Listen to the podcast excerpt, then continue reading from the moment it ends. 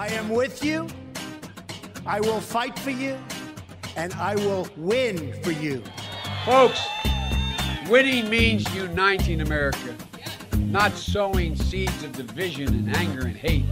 We got to beat Donald Trump, but we can't become like him. And we will make America great again. Money makes the world go round. In de Amerikaanse politiek is dit adagium tot realiteit geworden. In deze Holland-Amerika-lijn zoomen we in op het belang van geld in de Amerikaanse politiek. Mijn naam is Victor Pak en zoals gebruikelijk spreek ik met Amerika-correspondent Emiel Kossen vanuit Washington DC. Hi Victor. Hi, we gaan het over geld hebben deze podcast. Dat is extreem belangrijk voor iedere Amerikaanse politicus die ook maar een klein beetje ambitie heeft. Kan jij ons uitleggen waarom dat zo is, in één zin? In één zin? Nou ja, je kan je voorstellen dat je geld nodig hebt om evenementen te organiseren, medewerkers te betalen, duizenden. Um, maar vooral om campagnespotjes mee te kopen, uh, online en op tv. En het, klopt inderdaad wat je zegt, uh, zonder een grote schatkist in het huidige Amerika uh, kan je eigenlijk geen verkiezing winnen. Ja, je zei het al, om evenementen te organiseren. Afgelopen week had Donald Trump voor het eerst weer eens een echte authentieke campagnebijeenkomst in Tulsa, Oklahoma. Maar het viel een beetje tegen, begreep ik, hè? Ja, dit was de opening van, uh, van het campagneseizoen wat verlaat door het coronavirus. De eerste rally. Uh, er waren een hoop zorgen over het, het, het, virus en, en of dat zich zou verspreiden in, in de arena. Um, uiteindelijk kwamen er een paar duizend mensen op de rally af, terwijl de campagne verwachtte dat er misschien wel honderdduizenden mensen zouden komen. Dus dat was ten dele um, ja, een, een beetje een PR-fiasco. En dat was grotendeels te danken aan tieners op het sociale medium TikTok. Zij zeiden dat ze naar de campagnebijeenkomst wilden komen in Tulsa, Oklahoma. Alleen dat deden ze niet. En dat brengt de Trump-campagne voor een probleempje. Die campagnebijeenkomsten zijn namelijk niet alleen heel waardevol omdat Trump daar een toespraak kan houden, maar ook omdat mensen hun e-mailadres bijvoorbeeld bij de campagne achterlaten. En ik kan jullie uit ervaring vertellen, dan word je eindeloos bestookt met allerlei mailtjes of je alsjeblieft iets wilt doneren aan de president, uh, een t-shirt wil kopen, een koffiemok, noem maar op. Ik zit wel op die mailinglist omdat ik het leuk vind om in de gaten te houden wat er zoal gebeurt in de Amerikaanse politiek. En wat nu weer de laatste campagneontwikkelingen zijn. Zit jij ook op die mailinglist? Ja, en uh, de grap is, hoe vaker je die e-mails opent, hoe meer je er krijgt. Dus van de Trump-campagne krijg je dus een 10 per dag, van de Biden-campagne krijg je er makkelijk 10 per dag. En dan nog van de Riks, uh, ja, kandidaten van de Senaat, et cetera, et cetera. Je kan een hele dag bezig zijn om, uh, om die mailtjes door te spitten. Ze zeiden altijd ook heel goed geschreven en echt met één doel, namelijk doneer aan onze campagne. Um, hoe staan de, de twee belangrijke kandidaten, Trump en Biden, er nu financieel gezien voor?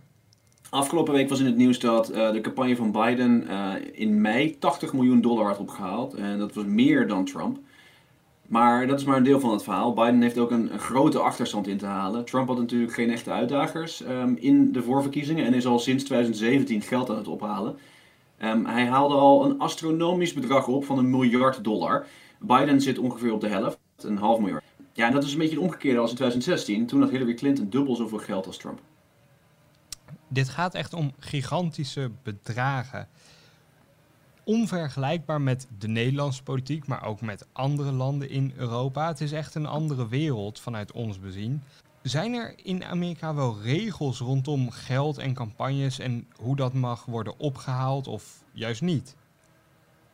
Het is wel interessant. De afgelopen jaren hebben we inderdaad een enorme instroom gezien uh, van groot geld in de politiek. Terwijl er op papier juist is geprobeerd de hoeveelheid geld uh, in de politiek te beperken. Um, dat gaat vooral om een wet in 2002 uh, waarbij limieten zijn ge gesteld aan de bedragen die iemand mag doneren aan een politieke campagne. En we kunnen zo even snel bekijken. Um, een Amerikaan mag bijvoorbeeld 2800 dollar per jaar geven aan een kandidaat. Dan nog eens uh, 35.000 dollar aan een partij, bijvoorbeeld de Republikeinen. En dan zijn er nog uh, PACs, uh, Political Action Committees. Dat zijn groepen die openlijk campagne voeren voor een kandidaat. En daar mag je ook nog geld aan geven. Dat is het meest. Dat is ruim 100.000 dollar per persoon per jaar. Dus bij elkaar, um, door die beperkingen mag een individu zo'n 140.000 dollar per jaar uitgeven. Wat mij opvalt is dat je dus aan een kandidaat eigenlijk het minst mag geven per jaar. En aan zoiets als een PAC het meest. Dat is vrij vreemd. Ja, dat klinkt. Uh, ja, op papier is dat, is dat inderdaad een beetje raar. Maar uiteindelijk maakt het niet zo heel veel uit. Omdat er ook weer allerlei regels zijn hoe die, ehm, die verschillende groepen weer geld aan elkaar mogen geven. En zo'n Political Action Committee kan een heel groot deel van de donaties weer doorgeven aan Trump. En hetzelfde geldt voor de partij. Dus eigenlijk, um, ja, die geldstromen daar zijn, zijn constant. Wat de wet trouwens wel goed deed um, uit 2002 was dat er werd bepaald dat bedrijven of vakbonden geen rol mochten spelen in campagnes. Um, zij mochten geen geld geven of een campagne opstarten. Maar uh, dat ging overboord toen de hoge rechters er naar keken in een rechtszaak die we nu kennen als Citizens United. Die term hoor je heel vaak, Citizens United. Wat is dat precies? Nou, Citizens United is een conservatieve non-profit die uh, campagne voert. Um, al een hele tijd. En in 2008 uh, eh, maakten ze campagnespotjes over Hillary Clinton, negatieve campagnespotjes. En volgens die wet uh, waar we het net over hadden, um, mag dat niet. Zo'n uh, zo'n campagne voeren. Totdat het Hoge Rechtshof er dus naar ging kijken en in 2010 besloot dat het prima was. En dat limieten aan wie er politieke campagne mag voeren eigenlijk illegaal zijn. Dus dankzij die uitspraak van het Hoge Rechtshof mag iedereen nu maar campagnes voeren voor een ongelimiteerd bedrag? Dat is inderdaad wat uh, de beslissing uiteindelijk um, heeft teweeggebracht. Um, het grootste gevolg, uh, het, meest, het meest zichtbare gevolg, uh, is het ontstaan van super PACs. Dat zijn politieke groepen die officieel niks te maken hebben met een kandidaat, maar wel campagne voeren voor hem of haar. En inderdaad, het nieuwe is um, dat er geen enkele limiet bestaat op hoeveel geld mensen of bedrijven mogen geven aan die super PACs, waardoor superrijken hun invloed op, het, ja, op de campagnes enorm hebben kunnen uitbreiden. Dankzij het Hooggerechtshof zijn de limieten dus weg um, qua donaties. Is wel duidelijk wie er achter die super PACs bijvoorbeeld zitten, wie zoveel geld geeft? Ja, er zijn wel wat regels. Bij super PACs um, moeten die organisaties aangeven wie de donateurs zijn. Maar dat is niet meer het geval als een organisatie zich registreert als non-profit, die zich ogenschijnlijk inzet voor het publieke goed. En er zijn een aantal groepen die, die um, de luisteraars ook wel kennen. De National Rifle Association, de wapengroep. Maar ook het linkse Planned Parenthood. Um, ja, dat zijn voorbeelden van organisaties die dus niet hoeven aan te geven wie hun geld geeft. En tegelijkertijd voeren ze wel um, openlijk politieke campagnes. Aan de ene kant de NRA voor bijvoorbeeld Trump en Planned Parenthood tegen Trump. En dat geld kan bijvoorbeeld binnengebracht worden door misschien wel een wapenfabrikant in het geval van de NRA, of gewoon door een fanatieke uh, wapenverkoper, of gewoon door een hobbyist. Maar dat weten we dus eigenlijk niet. En dat hoeven we, krijgen we ook niet te weten. Dat klopt. En um, ja, dat noemen ze hier dan dark money. En de invloed daarvan op, uh, op de verkiezingen wordt alleen maar groter. En gaat dit dan om de verkiezingen waar we het net over hadden van Trump en Biden, die dus echt miljoenen en richting de miljarden gaan? Of heeft dit ook op lokaal niveau veel invloed? Nou, ik zal eerst een voorbeeld geven voor um, het landelijk niveau. Um, tijdens de voorverkiezingen in 2016 waren er zo'n 300 rijke donateurs die um, de helft van het geld dat op het moment uh, was verzameld hadden, hadden uitgegeven. Maar wat je zegt, gebeurt niet alleen op landelijk niveau. op lokaal niveau gebeurt het zonder dat we het doorhebben eigenlijk. in sommige staten worden rechters verkozen in dat soort races uh, komt, komt steeds meer dark money kijken. Op staatniveau gebeurt het. We hadden onlangs uh, gouverneursverkiezingen in Georgia. Er werd meer dan 100 miljoen dollar uitgegeven door alle handengroepen. En um, ja, een groot deel daarvan hebben we geen idee van wat het precies, uh, wie daar precies achter schuilen. En het gebeurt zelfs op congressioneel niveau. Um, in dezelfde staat, in Georgia, um, in 2017 werd 60 miljoen dollar uitgegeven, verzameld en uitgegeven. En ja, dat was dus allemaal voor één zetel in het congres. Dat staat echt in schril contrast met de Nederlandse bedragen, waar donateurs tot een grens van 4500 euro anoniem kunnen doneren en daarna wel bekend worden, inclusief woonplaats bijvoorbeeld. Is er niet een hele hoop weerstand tegen het Amerikaanse systeem? Want zoals je het beschrijft, er kan geld van allerhande groepen de politiek invloeien. Het is onduidelijk hoe die lijntjes lopen.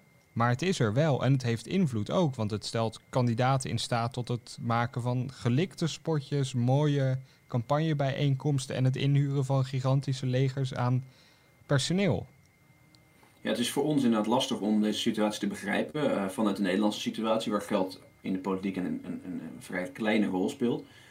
Kijk, dat zij geld uitgeven aan de politiek hoeft natuurlijk niet per se een probleem te zijn. De vraag is wat uh, mensen ervoor terug willen krijgen of hopen te krijgen. Um, ja, je kan je voorstellen dat een oliebedrijf geld geeft aan een politicus in de hoop dat hij de regelgeving rond olie misschien op een bepaald moment versoepelt. Ehm, maar ja, waar het wel gevaarlijk wordt, is dat we steeds vaker niet weten wie er überhaupt achter die campagnes zit. Ehm, er is weerstand tegen. Tegelijkertijd is het standpunt van de hoge rechters in de Citizens United uh, kwestie um, dat het, het gaat om vrijheid van meningsuiting. En daar staan een hoop Amerikanen achter. In de kern komt het er dus op neer dat bedrijven hebben ook een vrijheid van meningsuiting. Het beperken, van, ja, nou in ieder geval het beperken van hun, hun, hun manier om campagne te voeren zou dan in strijd zijn met, ja, met uh, de vrijheid van meningsuiting. En beide partijen doen mee aan het systeem, laten we dat niet vergeten. Het zijn niet alleen republikeinen. Um, als we kijken in 2016, Hillary Clinton haalde meer dan 200 miljoen dollar op met super PACs. Um, ja, dat was veel meer dan Trump in dat jaar. En niet te vergeten, in Nederland krijgen politieke partijen natuurlijk ook gewoon subsidie vanuit de overheid. De overheid betaalt hen in verhouding met hoeveel leden zij hebben. Kan zoiets ook niet in Amerika? Nou, dat systeem bestaat ook en het werd ook gebruikt in de jaren 70, 80, 90. Kandidaten van presidentiële campagnes uh, kunnen vragen om overheidssteun. Ja, daarbij verdubbelt de overheid de donaties die een campagne binnenkrijgt. Alleen het grote probleem bij het systeem is, althans het grote probleem in de afgelopen jaren, is dat er een limiet is voor 250 dollar per persoon. En tegenwoordig geven mensen veel meer geld. En zijn dus ook al die superpacks, et cetera. Waardoor dat systeem, um, het matching fund systeem zoals dat hier heet, ja, eigenlijk helemaal niet meer zo interessant is. Uh, John McCain was de laatste die uh, gebruik maakte van, uh, van overheidssubsidie. Ja, en hij haalde veel minder geld op dan Barack Obama. Met overheidssteun haalde John McCain zo'n 250 miljoen dollar op. Barack Obama deed het zonder overheidssteun veel beter, met 750 miljoen dollar. En dat, daar zit een beetje het probleem. Het, het systeem is verouderd. Ja, en sinds Citizens United is het belang van uh, groot geld alleen maar toegenomen. Iedereen doet er aan mee en dat zorgt er ook voor dat het lastig is om, om het systeem te hervormen. Zijn daar wel pogingen toe, ongeacht van politieke kleur? Nou, er zijn een aantal stemmen die zeggen: um, laten we Citizens United die uitspraak helemaal terugdraaien. Maar dat is niet heel realistisch. Uh, kijk naar het huidige conservatieve Hoge Rechtshof. Um, en het feit dat veel, uh, veel organisaties zeggen um, dat de First Amendment rights moeten worden verdedigd, die vrijheid van meningsuiting. Wat er wel kan worden gedaan is wat extra regelgeving opwerpen. Bijvoorbeeld om in elk geval ja, dark money te bestrijden en donateurslijsten verplicht openbaar te stellen. Maar om eerlijk te zijn, zijn momenteel de enige stemmen die echt openlijk roepen om veranderingen progressieve democraten. En dat is niet per se omdat zij zo um, ja, moreel verheven zijn. Het is meer omdat ze niet aan de macht zijn. Want dat is natuurlijk het grote probleem. Iedereen doet eraan mee. En um, hervormingen zijn gevaarlijk, omdat je niet zeker weet of je je eigen kans op politieke successen daarmee uh, in gevaar brengt. Een goed voorbeeld daarvan is bijvoorbeeld Elizabeth Warren. Zij wilde aanvankelijk alleen maar met kleine donaties van burgers um, presidentskandidaat namens de Democraten worden. Uiteindelijk moest ze dat toch laten varen, dat, dat nobele plan, omdat het geld simpelweg te hard nodig was, het geld van die andere organisaties, om die spotjes te kunnen maken bijvoorbeeld en om mensen te kunnen inhuren die campagne voor jou voerden. Eigenlijk is het een soort uh, catch-22. Je zit nu eenmaal in het systeem en eruit komen ziet er heel lastig uit dus ja, je kan wel zeggen dat je er tegen bent, maar uh, ja, zonder geld ga je die verkiezing niet winnen, om het uh, simpel te stellen. Dus het is inderdaad een van de problemen waar, uh, waar veel kandidaten, en op dit moment zijn dat meestal progressieve democraten, tegenaan lopen. En daarmee gaan we dus ook gewoon de verkiezingen van november beleven met dit systeem dat om gruwelijk veel geld draait. In november zeker. Um, kijk, het congres zou natuurlijk uh, hervormingen kunnen doorvoeren na die verkiezingen. Maar uh, ja, nee, tot, tot november 2020 gaan we, geen, uh, gaan we geen veranderingen zien. Dus zie jij dan ook talloze spotjes daar voorbij komen op je televisie? Dat begint nu toe te nemen. Het is wel zo dat in Washington um, zijn de verkiezingen natuurlijk niet zo spannend omdat dit een heel democratische regio is. Dus uh, het aantal spotjes dat wij hier zien langskomen is niet zo heel groot. Maar um, je voelt wel aan, uh, aan alles dat de campagne um, echt begint op te starten. De conventies komen eraan. Uh, Trump had de eerste rally. Joe Biden denkt ook al na over rallies. Ja, we gaan, het, we gaan het verkiezingsseizoen in. The president, as you know, has been tweeting today about Puerto Rico. As we sit here testifying, the president is attacking you on Twitter. Twitter is a wonderful thing for me because I get the word out. Immediately a disgrace to our country at Mayor Bowser. Waar gaat dit precies over? Ja, standbeelden zijn een doelwit geworden van um, Black Lives Matter demonstranten uh, in hun strijd tegen voortdurend racisme. En afgelopen week werd in Washington het laatste standbeeld van Albert Pike weggehaald en in brand gestoken door boze demonstranten. Ehm, dat was een, een leider van de Confederacy. Ehm, de politie stond erbij en keek ernaar en dat leidde tot hoon van president Trump. Het debat over de standbeelden in de Verenigde Staten is zeer complex. Het is misschien ook wel een heel stuk anders dan in Nederland. Je hebt in de Verenigde Staten vrij veel standbeelden van allerhande politici. Ze staan bijvoorbeeld in het Capitol in Washington DC. Ze staan op straten, in parken. En ze zijn van allerlei achtergronden. Wat zie je nu vooral gebeuren in de Verenigde Staten? Nou ja, het debat over um, standbeelden van ehm, leiders van de, van de Confederacy, ja, die zijn niet nieuw. Het is vrij vreemd dat er standbeelden zijn van de groep die voor slavernij vochten en een soort van landverraad uh, pleegde tegen de Verenigde Staten. Dat debat kunnen heel veel mensen begrijpen en um, juist nu uh, worden die standbeelden weggehaald. Maar wat we ook zien gebeuren, wat, wat eigenlijk opvallender is, is dat door het hele land allerlei andere standbeelden worden weggehaald, beklad, omvergetrokken. En dat gaat dus veel verder dan alleen maar figuren die um, een directe rol hadden uh, in de slavernij. Van wie gaan dan bijvoorbeeld uh, standbeelden om? Nou, de lijst wordt, uh, wordt steeds langer. Uh, George Washington, Theodore Roosevelt, um, zelfs een beeld van Ulysses Grant werd aangevallen. Nou, om even uit te leggen hoe, hoe vreemd dat is. Dat is de generaal die tijdens de burgeroorlog voor de Union troepen tegen slavernij vocht. Maar goed, hij had ooit één slaaf uh, die hij voor de oorlog vrijliet. En daarom wil de Black Lives Matter beweging dat hij wordt gecanceld. Ja, je krijgt een beetje het idee dat de demonstranten uh, zelf de geschiedenis rond de standbeelden uh, heel slecht kennen. In Wisconsin werden ook nog eens standbeelden weggehaald van abolitionisten, zij die openlijk vochten tegen slavernij. Ja, en de grote vraag is een beetje waar de grens wordt getrokken dat is een vraag die eigenlijk overal wel speelt, tenminste ook in Nederland natuurlijk. Het debat wordt onder meer ook gevoerd natuurlijk over die namen van mensen die betrokken waren bij de Confederacy, bijvoorbeeld militaire basissen van het Amerikaanse leger, die daarnaar vernoemd zijn. Er gaan nu stemmen op om die namen te wijzigen. En ook bijvoorbeeld in sommige buurten. Ik heb zelf in Denver een tijdje gewoond in de Stapleton Neighborhood. Ik dacht altijd dat die buurt vernoemd was naar het toenmalige Stapleton International Airport dat op diezelfde locatie was voordat de wijk daar werd gebouwd. Tot eigenlijk dankzij de Black Lives Matter beweging in Denver weer een debat werd gevoerd. Het vliegveld werd namelijk naar die burgemeester vernoemd. Alleen die burgemeester bleek in de jaren 20 aan de macht te zijn gekomen in Denver dankzij de Ku Klux Klan. Een vrij onbekend verhaal, ook voor veel buurtbewoners, maar waar nu een hoop discussie over is. En eigenlijk wil de lokale raad nu de naam heel graag wijzigen best begrijpelijk, want de burgemeester was naast lid van de Ku Klux Klan ook verschrikkelijk corrupt. Eigenlijk het hele stadsbestuur tot aan de politiechef aan toe verving hij door leden van de Ku Klux Klan die allerlei misdaden hebben begaan. Dus dat buurtbewoners van die naam af willen is bijvoorbeeld wel weer te begrijpen, lijkt mij. Ja, het ligt er een beetje aan. Het gaat natuurlijk case per case. Uh, als niemand die, uh, die naam überhaupt verbindt aan, aan deze persoon die in de jaren 20 heeft geleefd, ja, dan, is, dan is natuurlijk een, een, een deel van uh, de vraag die is van ja, waarom, waarom zullen we dit überhaupt veranderen? Um, en het gaat natuurlijk aan beide kanten. En soms, hebben ze, soms zijn er voorbeelden van verhalen waarvan je denkt, oh, dit heb ik nooit gehoord, dit is, dit is goed om over te praten. Is het dan het beste om, om al die namen te verwijderen, te schrappen? Dat is maar de vraag natuurlijk. Context is heel belangrijk in deze, in deze discussies. Dat is zeker het geval bij discussies over George Washington. Um, ja, een van de oprichters van het land en een slavenhouder ja, wat is belangrijker? De, de, de prestaties die hij leverde om uh, een, een, een, land ja, te, te leiden, of het feit dat hij, uh, dat hij slaaf had, wat destijds niet heel vreemd was.